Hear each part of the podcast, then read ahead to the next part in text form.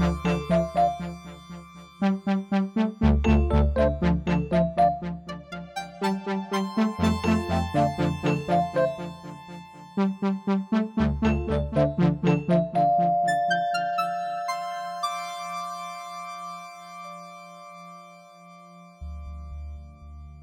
Goedendag, mijn naam is Chris Keijnen en dit is de Pluimcast, de podcast van uitgeverij Pluim, aangaande de voorjaarsaanbieding.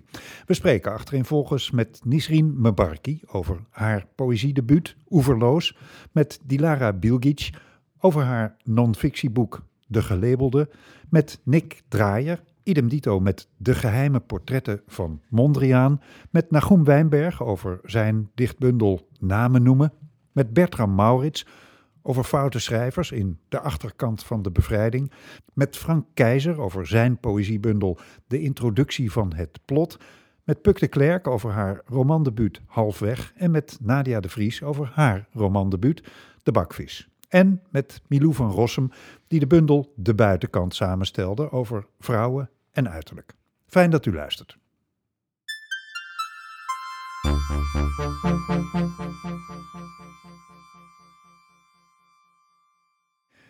Nisrien Barki is schrijver, dichter, literair vertaler, redacteur bij het Winternachtenfestival en medeoprichter en artistiek leider van theatergroep Landgenoten. Ze schrijft korte verhalen, theaterteksten en poëzie en vertaalt poëzie uit het Arabisch. Tot nu toe verscheen haar werk regelmatig in diverse literaire tijdschriften en klonk ze op literaire festivals in binnen- en buitenland. Maar nu is hier haar debuutbundel Oeverloos. Nisrien, welkom. Dank je. Ik zou willen beginnen met de titel. Ehm, omdat die, uh, wat mij betreft, om meerdere redenen goed gekozen is. Om te beginnen vanwege de vorm van je gedichten. Want je legt jezelf geen grenzen op. Hè? Je, je hanteert een volstrekt vrije vorm. Ja. Waarom? Ja, waarom? Goeie vraag.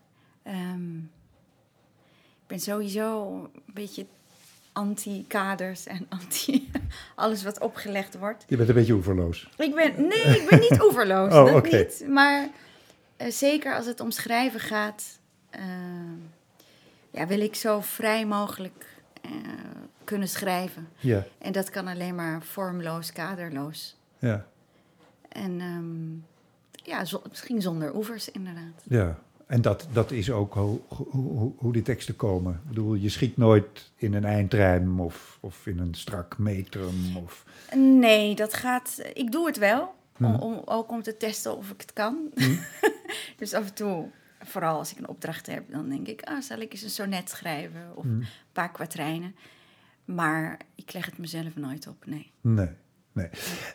En de tweede reden is uh, dat je gedichten ook iets, uh, iets oeverloos hebben in, ja, vind ik in ieder geval de ongelooflijke rijkdom van taal. Dat, dat is misschien een beetje uh, dubbelop om dat te, gezegd, te zeggen van gedichten, maar, maar vooral ook van beelden. Het lijkt, het lijkt wel of je denkt in beelden, klopt dat? Ja, ik, ik denk best, ik zie beelden, laat ik het zo zeggen. Ik vind beelden en denken niet zo, nee, okay. niet zo in hetzelfde straatje passen, maar ik zie vaak wel beelden, ja. Dus uh, het begint, heel veel gedichten beginnen met één beeld, wat ik zie. Yeah. In gedachten, of wat ik werkelijk op straat heb gezien. Yeah. En dat is vaak het startpunt. Dus uh, ja, je kunt er. Ik zie ook echt een filmpje. Mm -hmm. Als, ik, als, het, als het gedicht af is en als het gebouwd is. Want zo zie ik het, een soort bouwen van beelden. Mm -hmm. Dan, uh, ja, dan zie ik ze allemaal achter elkaar een stop, stop-motion filmpje, denk ik. Ja, nou ja, dat, dat is ook in ieder geval mijn ervaring bij, bij het lezen van je bundel. Ik heb, ik heb ook gewoon heel veel filmpjes gezien. Ja, dat, dat, Fijn om te horen. ja, nee, maar dat, dat, dat is echt het effect. En dan is er natuurlijk de derde heel directe reden, namelijk Ja. eh, dat, dat ene gedicht dat ook Oeverloos heet. En dat gaat over een moeder die, ik citeer, regelmatig buiten haar oevers treedt. Ehm, ik vond het een prachtig beeld, dacht ik, van een vrouw uh, wier hersenspinsels met haar op de loop kunnen gaan. Ja, voor mij is het de vrouw die, die inderdaad oeverloos is. En niet alleen qua, qua denken, maar ook qua als wezen. Mhm. Ehm, als zijn, als wezen, als... ehm, ja, ja, dus voor mij zijn het niet alleen maar gedachtenspinsels, maar meer dan dat. Mhm. Dus als, als een, een mens die een soort van uitdijt en niet meer weet waar, waar ze ophoudt. Nee, precies. En ehm, dus oeverloos. Ik vind oeverloos gewoon een ontzettend mooi woord eigenlijk. Omdat het mij, het heeft me altijd zo enorm gefascineerd. Oevers vind ik heel erg mooi. Maar oeverloos, zoals wij dat gebruiken, is natuurlijk een soort oneindig of zo. Maar die twee dingen bij elkaar vind ik ontzettend mooi. Dat, dat, dat, dat water niet gekaderd is. Dat oevers soms natuurlijk zijn. We kunnen oevers bouwen. Dus dat, dat is een beeld wat me altijd blijft fascineren. Ja. En in welke zin is die vrouw oeverloos? Ja, ik denk de vrouw in, de vrouw in het gedicht. ehm, ja, die heeft. Die, die, die, die kan denk ik niet. Ze treedt letterlijk uit haar oevers. Eh, en die oevers die, die, die, worden, die, die hebben wij natuurlijk opgelegd. Dat zijn onze waarden, onze normen, onze regels. Mhm. Onze, ehm, en daar past zij niet in. Nee. Dus in die zin is ze oeverloos. Ja. Of treedt ze af en toe uit haar oevers en dan moet Jan en allemaal weer helpen om die oevers weer te bouwen. Ja, want het, het- is ook iets problematisch. Ik bedoel, je beschrijft Ja. oeverloosheid als iets prachtigs, maar in dit geval is het ook. ook problematisch, toch? Ja, ik denk in, in, in een conventionele samenleving waarin wij leven, is dat problematisch, ja. Mhm. En ook in, in haar gezinssituatie, zoals ik dat beschrijf in het gedicht, is het ook problematisch. Is het, is het eh, heel plat om te vragen of het over jouw moeder gaat? Eh, het is plat om te vragen of het over mijn moeder gaat. maar het gaat, vind ik, over veel moeders. Ja, het gaat sowieso over, Over. veel moeders. Ja, in, het gaat vaak eh, over moeders. in Het gaat over veel moeders. Het gaat over wat wij van moeders verwachten, wat moeders zijn. Dat is ook, ja, dat is natuurlijk een van de thema's, denk ik. En waarom is dat een belangrijk thema voor je? Eh, ik denk ten eerste omdat ik zelf moeder ben. En ik eh, ben door verschillende moeders opgevoed. Dus het begrip moeder is, is voor mij ontzettend groot. Dat is niet één persoon. Mhm. Dat is, ehm, ja, dat is iemand die je, die je, die je opvoedt. Ehm, en in, in, in, ja, in metaforische zin ja, is het bijna de hele wereld. Of de hele aarde, die je, Mhm. weet je, waarvan je kind bent. Dus dat, dat komt denk ik in alle lagen wel voor in de bundel. Ja, Eh, ja, ja. En misschien kunnen we het breder maken eh, en, en eh, de moeder vervangen door de vrouw. Want de- vrouw Ja. is ook een belangrijk thema in de bundel. Ik, ik citeer even eh, de vrouw in een wereld die gemaakt wordt door mannen. Want, citaat, vrouwen zijn de kroon van de wereld, maar de wereld is van mannen. Ja, helaas. ik kan niet anders zeggen dan. Helaas is het nog zo. En ja, dat is een, denk ik een, een strijd die we, die we moeten leveren. Mhm. En die we altijd aan het leveren zijn. Ik denk ineens aan een, aan een, aan een regel die, waarvan jij niet kan weten wat er staat. Dat is een Arabische regel. Ja, nee, die kom Ik ik, inderdaad eens even niet... ik, heb, ik heb ze niet door Google Translate gehaald, nee. Daar is een gedicht, ik weet niet eens meer welke, waarin staat... Als ik in het concept van moederschap geloofde, waren jullie allemaal mijn moeders. Hmm. Ja, dus daar, in dat gedicht, oh ja, nou weet ik welk. Het gaat om het gedicht wat over moedertaal gaat. Ehm, daarin haal ik ook het concept van een moeder. Ja, ik zie dat dus als concept. Dat is voor mij niet per se eh, een vrouw of een, iemand die fysiek is. Mhm. Dus ehm, dat gedicht gaat over talen en moedertalen, vadertalen, talen die je spreekt. En ik benoem eigenlijk in dat gedicht de talen als mijn moeders Ja, ja. of als mijn ouders.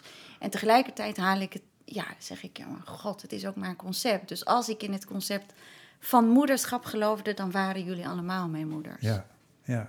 Nou ja, dan, Ik dan zoek hem op. Maar zoek rustig door. Oké. Ehm, dan zijn we bij wat ik als derde eh, thema er in ieder geval uit heb gehaald. Want je werk gaat ook over meertaligheid, dus. En daarmee ook over uh, identiteit. Je haalt het motto aan van de, de grote Libanese cosmopoliet Amin Malouf. I come from no country, from no city, no tribe. I'm the son of the road. All tongues and all prayers belong to me, but I belong to none of them. Uh, en ik, je zegt, denk ik, over je eigen taal. Germaanse sneeuwvlokken lossen op in oude Semitische bergbastaards. Um, wat wil je daarmee precies zeggen? Dat jij ook in geen enkele taal echt thuis bent, of juist in allemaal?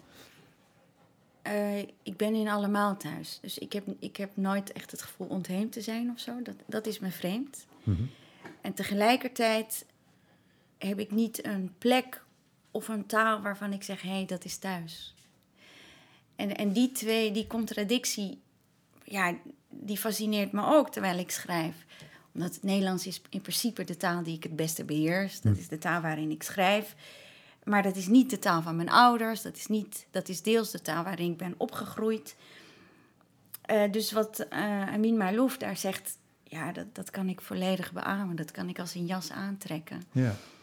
Um, en ik voel me ook echt op veel verschillende plekken thuis op de wereld. Wat wonderlijk is, ook in veel landen waar ik, waarvan ik de taal totaal niet spreek. En dat, dat citaat komt uit het gedicht Tong. En dat is ook uh, waar, dat Arabische, waar die Arabische zin uitkomt. En die Arabische zin luidt? لو كنت أؤمن بمفهوم الأمومة لو كنتن أمهاتي. Dus als ik in het concept van moederschap geloofde, waren jullie allemaal mijn moeders. En het gaat over die, inderdaad, over de, de meertaligheid. Mm Die, ja, ik, ik ben onderdeel van die talen, of die talen zijn onderdeel van mij. Dat, dat valt niet uit mijn weefsel te halen. En dus misschien is dat een soort thuis wel. De meertaligheid als thuis. Ja, de talen, ja, de meertaligheid en de, de, de, de gelaagdheid van meertaligheid en de gelaagdheid van een meertalig leven. Een oeverloos thuis. Ja, een oeverloos. Nou, een, ja. Het is heel gek, want ik had pas geleden een gesprek met iemand en die zei: Oeverloos, dat zei mijn moeder altijd tegen mij als ik zoveel praat. Dan zei ze: Ben je nou weer oeverloos aan het kletsen? Dus ik moet nu de hele tijd aan haar denken als ik dat woord hoor. Maar het is inderdaad oeverloos in de positieve zin. Ja. Geen oevers en niet, niet ehm, ja, een beetje flauw zoals wij hem soms gebruiken. Nee. Niet, nou, eindeloos in een flauwe zin. Zo van, er komt geen einde aan. Ik kan alleen maar hopen dat dit het begin is van een oeverloos oeuvre. Dankjewel, Nisrien. Graag gedaan, dankjewel. En Oeverloos van Nisrien Mabarki is inmiddels verschenen en ligt in de winkel.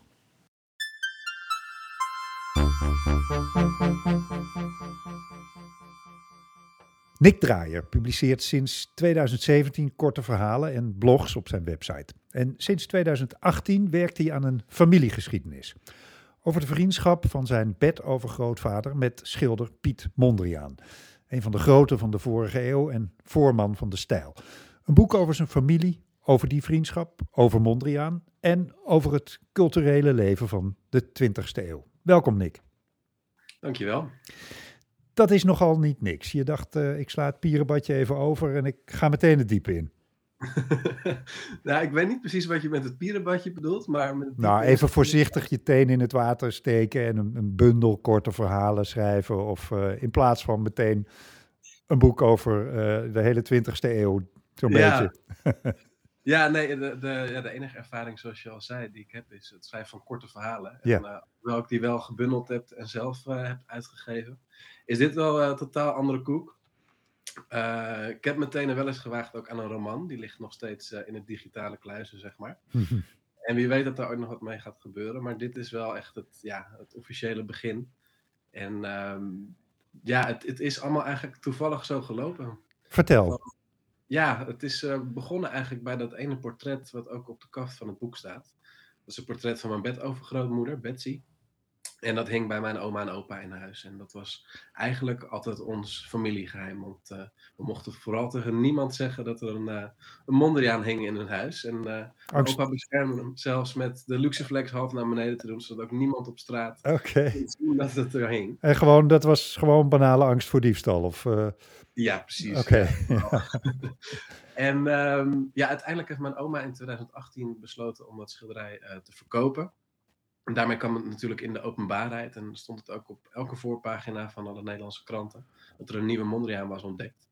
Maar ja, voor mij was die niet nieuw, alleen het verhaal erachter, dat was voor mij wel nieuw. En met de verkoop besloot mijn oma om ook meer te, uh, te vertellen over wat er nou precies achter uh, schuil ging. Aha. En daar is het eigenlijk gewoon begonnen. Ja, want je had in, in je jeugd was er niet een verhaal bij dat schilderij. Dat werd gewoon ook niet verteld. Zo geheim was het. Nou, het, het, het, was heel minimaal, zeg maar. Dus ik wist dat de afgebeelde vrouw uh, dat ze half Italiaans was. En dat het schilderij natuurlijk een Mondriaan was. En uh, dat was het echt eigenlijk een beetje. Hmm. Uh, dus het verbaasde mij daarom nogal dat er zoveel meer achter zat. Ja. En, en, en wat was dat uh, zoveel meer in eerste instantie? Ik bedoel, wat, wat vertelde je grootmoeder erover? Nou, zij vertelde dus dat uh, mijn bedovergrootvader het, het, het portret had laten maken van zijn aanstaande vrouw toen ter tijd. Uh, door Mondriaan. En dat hij uh, ook bevriend was met Mondriaan. Nou, dat, dat wist ik dus al niet. Um, en verder uh, ja, kwamen er langzaam wat meer dingetjes aan het licht als dat mijn bedovergrootvader vrijmetselaar was. En er was ook iets met een raar manuscript met allemaal runetekens um, dat in een familie rondging. En ook bij die bedovergrootvader huisde. Hmm. En uh, mijn oma was weer vernoemd naar dat manuscript. Dus er zaten allemaal kleine um, ja, touchpoints, zeg maar, voor mij. Dat ik dacht, huh, daar wil ik meer over weten. Het lijkt wel een Dan Brown nu. Ja, ja af en toe voelde ik me ook Dan Brown tijdens het onderzoek. Oké, okay, ja. Ja, want um, je bent toen verder gegaan met dat verhaal van je grootmoeder en, en, en enorm gaan uh, researchen, neem ik aan.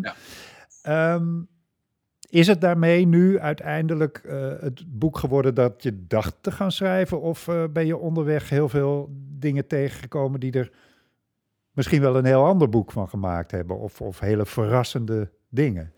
Ja, uh, nou in de eerste instantie was ik gewoon ge vooral geïntrigeerd door, oké, okay, wat is die geschiedenis nou precies? Hoe zit het? En ik wist ook wel van nog een portretje wat ook geheim moest blijven, zeg maar, in de familie. Hmm. Ik denk, nou ja, als er nu al zoveel geheimen zijn, dan is er meer. Mm-hmm. Um, dus toen ben ik eigenlijk in gesprek gegaan met uh, meerdere familieleden van de verschillende takken. Maar eigenlijk was het vooral bij het RKD, dat is het uh, Nederlands Instituut voor de Kunstgeschiedenis. Ja. Daar was dus een mapje over mijn familie en, en hun uh, band met Mondriaan. En alles wat ik daarin vond, dat werd eigenlijk de fundering voor het verhaal. Um, en daarmee had ik een bepaalde structuur uh, voor ogen van hoe dat boek zich moest gaan vormen. Maar is het wel natuurlijk zo geweest dat door alle gesprekken met familieleden en ook uh, met de uitgeverij, dat er uh, wel nieuwe invalshoeken kwamen. En ook dat ik bepaalde karakters die nu in het boek zitten, waarvan ik afhankelijk dacht, nou dat is meer een bijfiguur die nu een hele grote rol hebben. Hmm. Dus in die zin is het wel, um, ja, geëvolueerd gewoon met de tijd. Ja, want nog heel even terug. Uh, jouw bedovergrootvader was dus bevriend met Mondriaan en vrijmetselaar, dat weten we nu. Maar wat, wat, wie, was hij verder? Wat, wat deed hij en hoe, hoe zat dat in elkaar, die vriendschap? Uh, hij was uh, koffiemakelaar, noemden ze dat toen de tijd. Oké. Okay. werkte voor verschillende bedrijven in Amsterdam die ja, in koffie handelden. Ja. En hij reisde daarmee de hele wereld over. Een soort Max Havelaar dus. Een soort Max Havelaar, ja, ja. waar die ook fan van was, of tenminste van dat Tilly. Okay. Uh, en um, even kijken, ja, hij was best een, een beetje een man met bravoure en uh, ja, had dus een mooie Italiaanse vrouw uh, aan de haak geslagen. waar hij niets liever mee wilde dan een gezin stichten. En rond de eeuwwisseling, de vorige eeuwwisseling, dus dan praat ik over begin 1900. Toen werd hij ook lid van het Sint-Lucas. Dat is een, een van de grote kunstverenigingen in Amsterdam. Mm-hmm. en dat is onder andere een van de plekken waar hij veel ook met Mondriaan omging. Uh, de vriendschap was daarvoor al ontstaan, maar daar kwamen ze echt veel met elkaar in contact. En rond die periode kreeg je ook schilderles van Mondriaan. Hmm. Um, en ja, eigenlijk vanaf die tijd zijn ze altijd uh, met elkaar in contact gebleven tot uh, Mondriaans dood. Eerst heel veel fysiek en ook in Mondriaans periode in Parijs heeft Kees hem heel veel opgezocht. Kees is dan in dit geval mijn bedovergrootvader. Mm-hmm. Um, En ook heeft Kees in, deze, ehm, ja, in het hele verhaal heel veel werken van Mondriaan verzameld. Van um, ja, zijn begintijd, zeg maar, tot echt meer moderne werken. En alles daartussenin. En heeft hij ehm, ja, hemzelf, zijn vrouw en zijn gezinsleden laten portretteren. Ja. En in hoeverre, uh, want. En het verhaal gaat uh, uiteindelijk dus ook heel erg over je familie. Maar dan, dan begreep ik, tenminste uit de, de uh, begeleidende tekst in de aanbiedingsfolder, komen er ook wel hele verrassende, ja, zal maar zeggen, zijverhalen bij. Want er zit ook een, een oorlogsgeschiedenis in, bijvoorbeeld. Hè? Um, er zit inderdaad een oorlogsgeschiedenis uh, in ook. En uh, ja, wat in mijn onderzoek dus naar voren kwam, is dat eigenlijk uh, ja, al die familieleden van mij best wel veel gedaan hadden voor het verzet in die tijd. Wat ik ook van tevoren allemaal eigenlijk niet wist.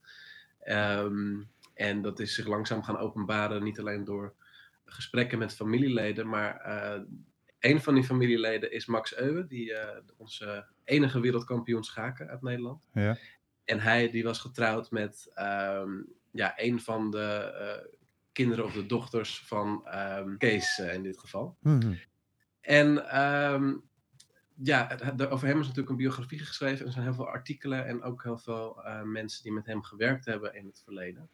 Die daardoor dat verhaal heel veel uh, kleur gaven voor mij over wat zijn rol in het verzet nou precies was. Ja.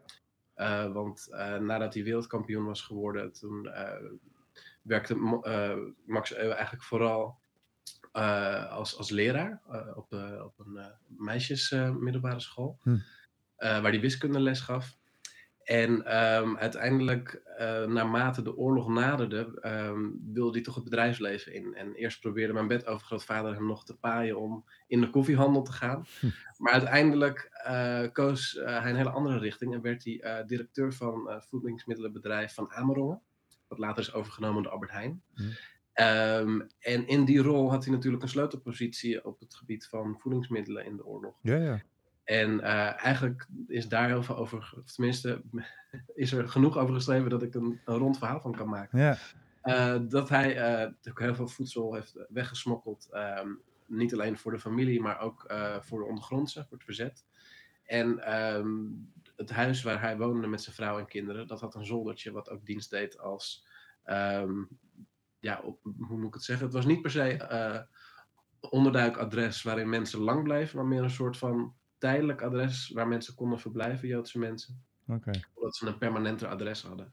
En zodoende kwam ook de rol van, uh, even kijken, dan moet ik het goed zeggen. Dan heb je Max Euwe en dan zijn zwager.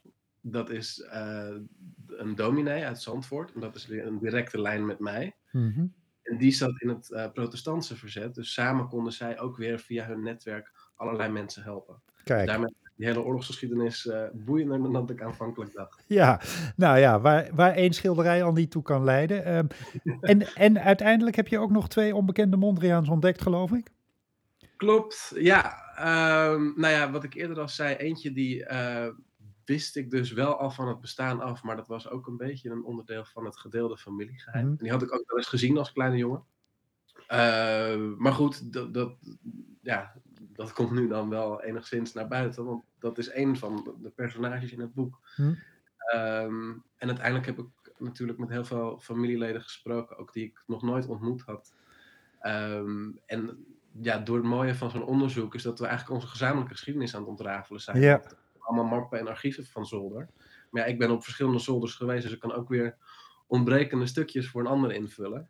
Dus dat schept toch een bepaalde band. En uh, ja, dan kom je op een stuk dat toch vertrouwen geeft. En toen kreeg ik ineens op een dag een foto in mijn handen gedrukt van nog een portret. Zo. Dat ergens aan de familiemuren schuilt. Um, dus ja, zodoende had ik er twee gevonden. Ongelooflijk. Nou, ik vind het ontzettend knap dat je dit allemaal in één boek hebt verwerkt. Dat het niet meteen een uh, trilogie is geworden. Nee, ja, dat uh, was een uitdaging. Heel hartelijk bedankt, uh, Nick. En dan zeg ik er meteen even bij dat jouw boek De geheime portretten van Mondriaan verschijnt op 3 maart. Dankjewel, jij ook.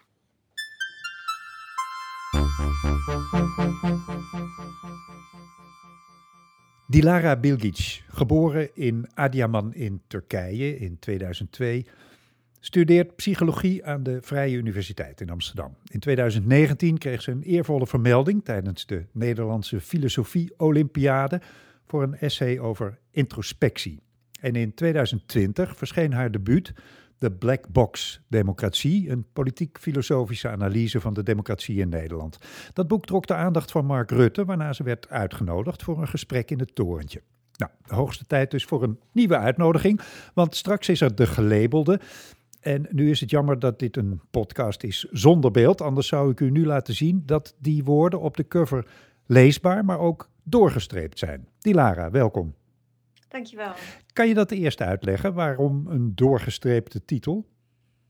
Um, ja, de, de paradox zit hem eigenlijk in het feit dat uh, de gelabelde ook een label is. Ons taalgebruik is uh, doorspekt met labels. We kunnen er niet omheen. En psychologisch gezien ja, is dat ook best wel efficiënt, taalkundig gezien ook. Dus de boodschap um, is niet zozeer dat we labels moeten verbannen uit ons taalgebruik.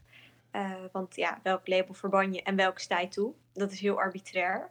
Het gaat uh, erom dat je bewust wordt van de labels die je gebruikt, als label zijnde en niet als reflectie van de werkelijkheid. Um, dus het is echt een stukje bewustwording en filosofische reflectie.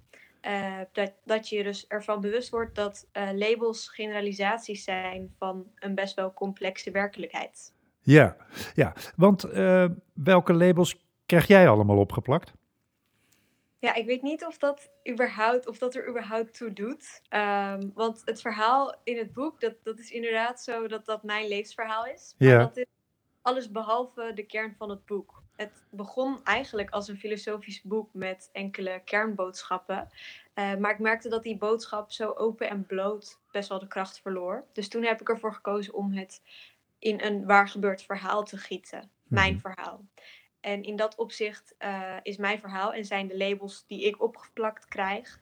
Um, dat is eigenlijk gewoon de uienschil om de lagen aan boodschappen in het boek heel huids naar de woonkamer van de lezer te kunnen dragen. Oké, dus dat, dat is eigenlijk meer gewoon één voorbeeld. Precies. Maar ja. het is niet, niet de kern van wat je wil zeggen met labels, gelabeld zijn, labels uitdelen, dat dat nou per se over die labels uh, van jou gaat. Dus, je... Nee, exact. Ja, het is, het is echt het menselijk labelmechanisme. Dus het zal bij de ander niet heel veel anders zijn dan bij mij. Alleen zijn het dan toevallig weer heel andere labels. Ja, want jij hebt niet het gevoel dat je meer labels krijgt dan iemand anders of zo. Het is niet uit dat soort laat ik zeggen, frustratie dat je dat boek hebt geschreven? Nou, het, het zou wel kunnen dat het er meer zijn, maar daarvoor, ja, ik heb het niet onderzocht, dus ik kan het ook niet gaan beweren.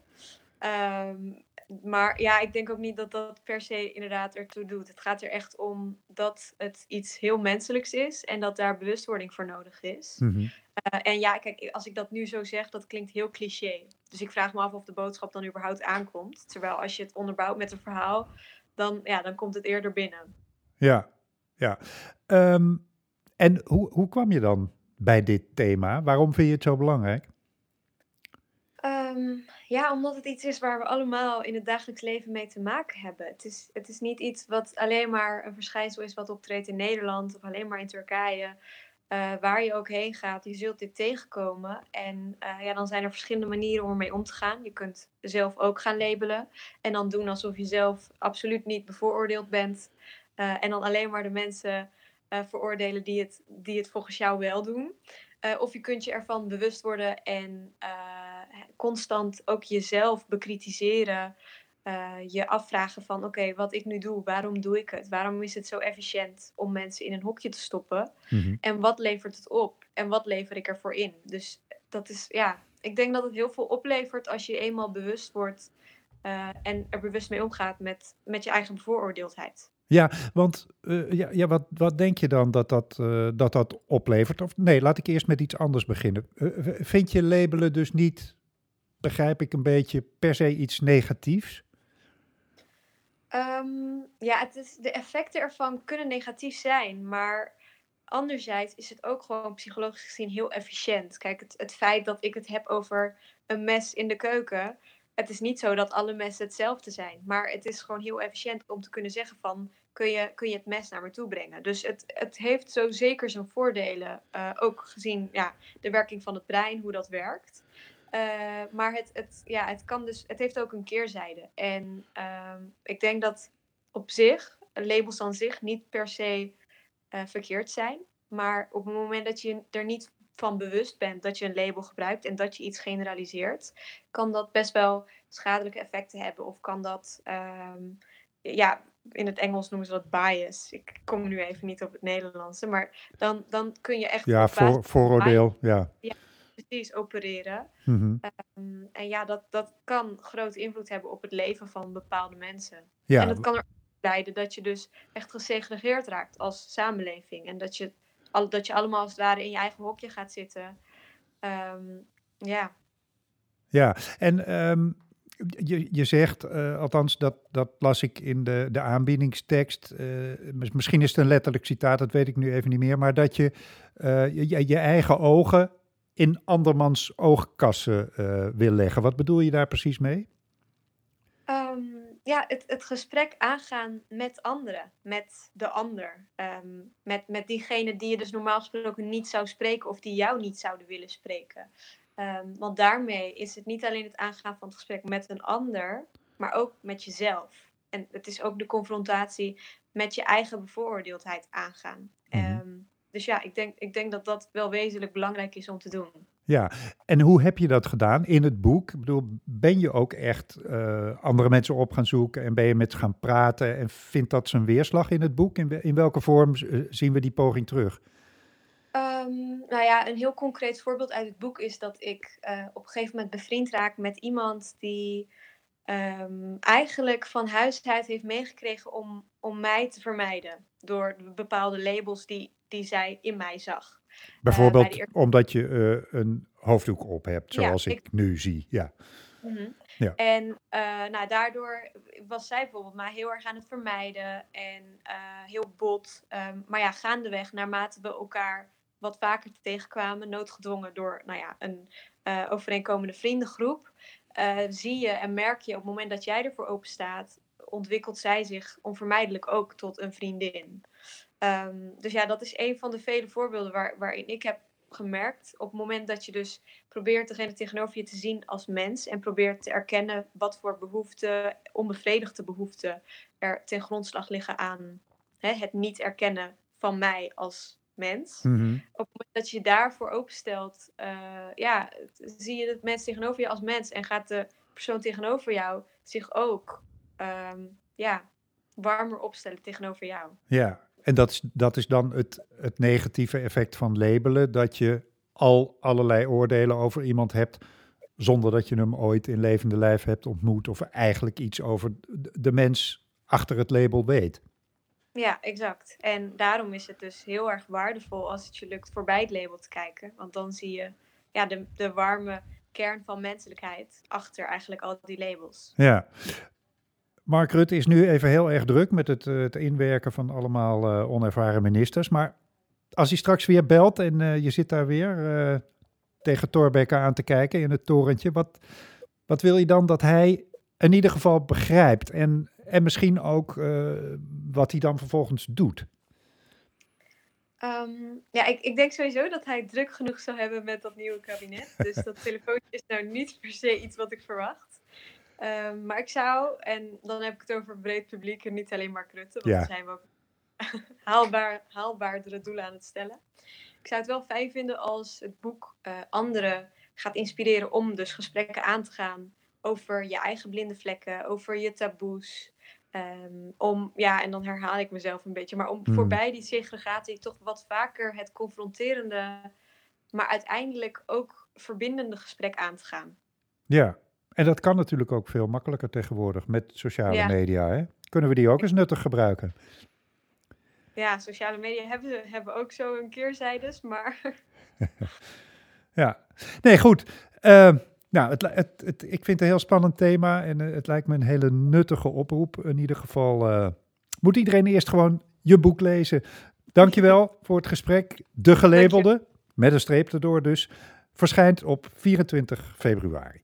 Yes, dankjewel.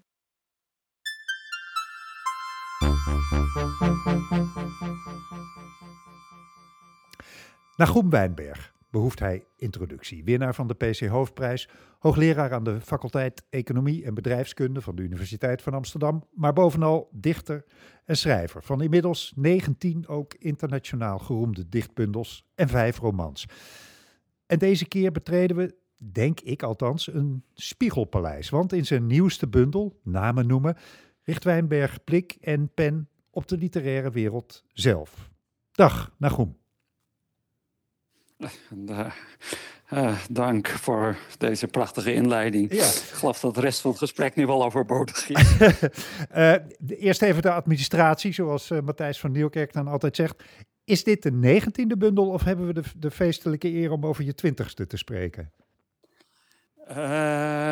Als ik zo onbescheiden mag zijn, tenminste de twintigste. Tenminste? Uh, tenminste, als we tellen bundels bij gewone Nederlandse uitgevers afzonderlijk verschenen. Yeah. Uh, vroeger bedoel dus niet meetellend uh, de verzamelbundels, ook als daar nog ongepubliceerde gedichten bij in stonden, of bibliophile bundels. Maar als ik helemaal eerlijk ben, vind ik bibliofiel altijd iets wat niet helemaal in de haak is. Maar dus van gewone bundels bij gewone uitgevers verschenen is dit de twintigste. De twintigste. Nou, wat een, wat, ik, ik vind het een eer om het daarover te mogen hebben. Um, is, is dat misschien ook de reden dat je uh, ja, hier in, in mijn ogen althans toch dubbel in jezelf gedoken bent, namelijk in de literaire wereld en in je eigen rol daarin? Nou ja, niet, niet omdat ik plotseling uh, een wekker hoorde afgaan toen de negentiende bundel voltooid was. Maar het is wel dat ik dat een van de vele redenen voor deze bundel misschien zelfs een lichte schaamte was dat ik zo laat begonnen ben met eigenlijk de, de, de, de tradities van de Nederlandse poëzie te, te bestuderen. en dat ik ja, een van de vele redenen voor deze bundel is toch om mijzelf een beetje beter een plaats te kunnen geven in, in de Nederlandse poëzie. En daar dan wat explicieter uh, in gesprek te gaan met andere dichters, levend of dood. Ja, ja. want um, ik lees dat je ons in deze bundel mee gaat nemen naar de achterkamertjes en de uh, receptieruimtes van van die literaire wereld. Kom je daar graag? Ik, ik kom er niet zo erg vaak. Ik bedoel, zeker vergeleken, denk ik, bij de meeste eh, andere schrijvers. Uh, maar dat maakt natuurlijk een paar keer, paar keer indrukwekkender. indrukwekkender. En ik heb, in ik, heb ik, ik praat, de gedichten praten over, over andermans poëzie. En ik gebruik vaak dan ook vallig te, vallig te weten ben over, over iemand. Dat, dat, dat is vaak ook heel oppervlakkig. Dat kan een gesprekje tijdens een uh, literaire receptie, receptie geweest zijn. Mm -hmm. uh, maar toch speelt dat altijd een beetje mee bij hoe je iemand anders werk ook leest. En daar heb ik dan ook heel dankbaar en expliciet gebruik van gemaakt. Ik, ja. ik geloof niet dat ik nu de meest ingevoerde dichter ben uh, in, uh, in, in de Nederlandse literaire wereld. Maar ik, ik heb mijn best gedaan met het beetje wat ik heb zo goed mogelijk in te zetten. En, en toevallig zit er ook een gedicht bij wat gaat over alle jaarlijkse recepties van alle uitgevers die ik tot nu toe gehad heb, behalve de laatste. Uh, dat dan nog wat dichtbij misschien om, misschien om in het gedicht te verwerken. Ja, want ben je hiervoor echt uh, ja, research gaan doen in die zin dat je, dat, je, dat je meer dan je al misschien gedaan had nog weer bent gaan uh, verdiepen in de Nederlandse poëzie? Uh, ja, research is hier wel een heel erg groot woord. Maar wat ik, wat ik wel gedaan heb, is eigenlijk nog een keertje systematisch alle bundels en verzamelbundels die ik toevallig in mijn boekenkasten had, uh, inderdaad uh, nog doorgele doorgelezen. En af en toe waren er aanleidingen om iets in een gedicht anders te doen of zelfs een gedicht te beginnen. Maar ik heb dus niet, ben niet heel systematisch uh, mij, mijzelf een nieuwe spoedcursus Nederlandse literatuur of poëzie gaan geven, maar wel uh, ja. Telkens als ik daar reden toe zag om, om, om mij wat meer in een bepaalde schrijver te verdiepen, ben ik die wel weer wat extra gaan opzoeken en extra boeken, meestal per internet. Want toevallig, zoals bekend, was het in het afgelopen jaar soms niet mogelijk om bibliotheken te bezoeken. Nee. Nee. En um, welke, ja, welke dichters kwam je zo al tegen waarvan je of, ofwel verrast was eh, van, goh, dat, dat had ik eigenlijk tot nu toe een beetje gemist. Ofwel waarvan je dacht, jee, wat is dat goed, daar, daar moet ik me eens even in verdiepen. Uh, nou ja, kijk, dichters die erin die een belangrijke rol spelen en die misschien niet enorme verrassingen zijn, uh, omdat ze ook, ze ook persoonlijk niet zo erg ver zijn. Tonnes Oosterhof en, en Alfred Schaffer en de mensen die ik echt wat misschien, nou ja, in ieder geval af en toe tegengekomen ben in de afgelopen 30 jaar. En van wat ik denk dat ik het meeste ook wel gelezen heb. Ja. Uh, ik, ben, ik was ik ben eigenlijk nog steeds uh, relatief slecht uh, ingevoerd in zeg, de Nederlandse literatuur van voor 1960. Mhm. Dus wat dat betreft heb ik echt wel. Ik kende een paar namen, maar ik, ik, ik wilde wel eens een, keer, eens een keertje iets meer weten. En ik heb altijd het gevoel gehad dat anderen veel meer wisten over Lauerhof, uh, die trouwens niet eens met, naam voorkomt, maar wel indirect. Uh, nou ja, de, de, de, de, de Achterberg, Nijhof, uh, maar, maar ook dichters als uh, Ida Gerhard ben ik, ben ik duidelijk meer gekomen, gekomen toen ik me er nog een keertje uh, serieus in begon te verdiepen. Van, nou ja, wat, ook gewoon om te kijken, wat kan ik ervan leren? Mm -hmm. Ja, en, en um, het is misschien moeilijk uit te leggen, maar tot wat voor gedichten leidt dat dan? Ga je, ga je in gesprek met, met je collega's of bespiegel je over hun werk? Waar, waar, waar leidt het toe? Ja, nou, wat. Het, het, het, waar het toe leidt, is dat ik eigenlijk een. een uh, ja, een, een, een, een samenhangend, maar ja, dat is eigenlijk alweer te veel, maar mm. een soort beeld van de traditie waarin ik mijzelf probeer te plaatsen maak. Nou, dat klinkt honderd keer heftig en ook tegelijk nog eens te vaag. Maar ik wil heel graag, bedoel, als ik zeg ik wil weten wat ik van een bepaalde dichter wil leren, is het ook, bedoel, als, ik, als een bepaalde dichter al iets gedaan heeft, dan hm. hoef ik het lekker niet meer te doen. Ja, ja. Uh, dus ik, ik probeer een beeld te krijgen van wat ik van de Nederlandse poëtische traditie cadeau krijg. En omdat ik heel erg geloof in, de, in, in een groot voorstander ben van culturele toe-eigening, uh, ben ik ook, ik bedoel, een van de, van de gedichten doet dat ook heel expliciet. Ik ben Pessoa, is een Nederlands dichter.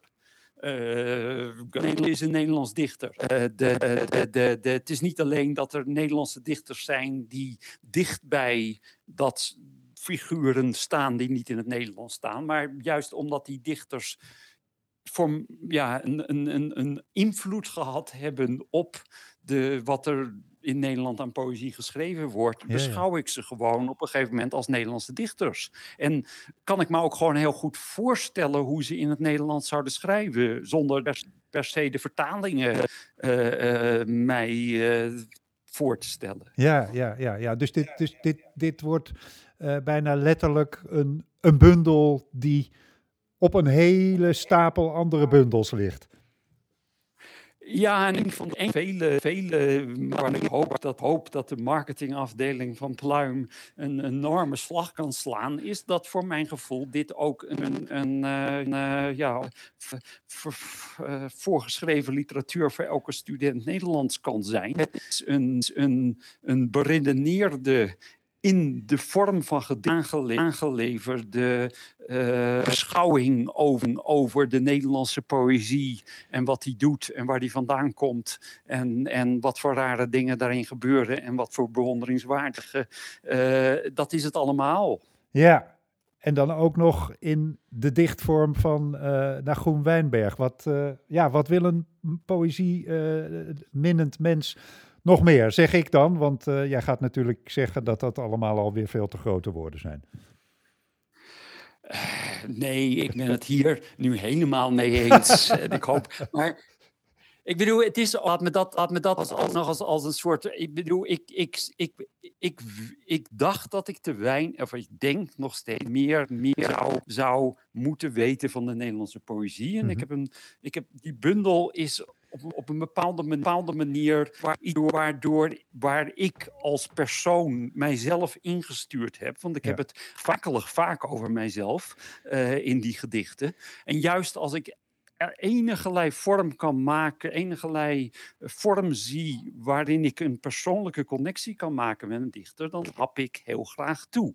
Uh, de, de, bijvoorbeeld Elisabeth Eibers woont toevallig, woonde, toen zij nog bij in leven was, in dezelfde straat. Nou, dat, ik heb haar nooit ontmoet, maar dat, dat, dat geeft een mogelijkheid om over Elisabeth Eibers te schrijven, die het, het mogelijk maakt om ook rond te lopen in het stukje Nederlandse poëzie wat Elisabeth Eibers Ja. En eigenlijk is het natuurlijk ook nog Afrikaans, maar dat, dat, dat, is een klein detail. Zoals ik al zei, culturele toe-eigening doe ik met uh, heel veel plezier. Ja, nou ja, uh, dat, dat het een detail is dat ze Afrikaans is, uh, geeft mij in ieder geval de gelegenheid om me even te verontschuldigen voor de, de wat krakerige geluidsverbinding. Want jij bent op dit moment in, in Zuid-Afrika. Maar we hebben ja. een helder beeld. en nou ja, via je, je bundel krijgen we hopelijk een prachtig beeld van het Nederlandse poëtische landschap. Dank je zeer, Nagum. Dank je wel, terug. Dag. En ik zeg er even bij dat de bundel Namen noemen van Nagum Wijnberg verschijnt op 24 maart.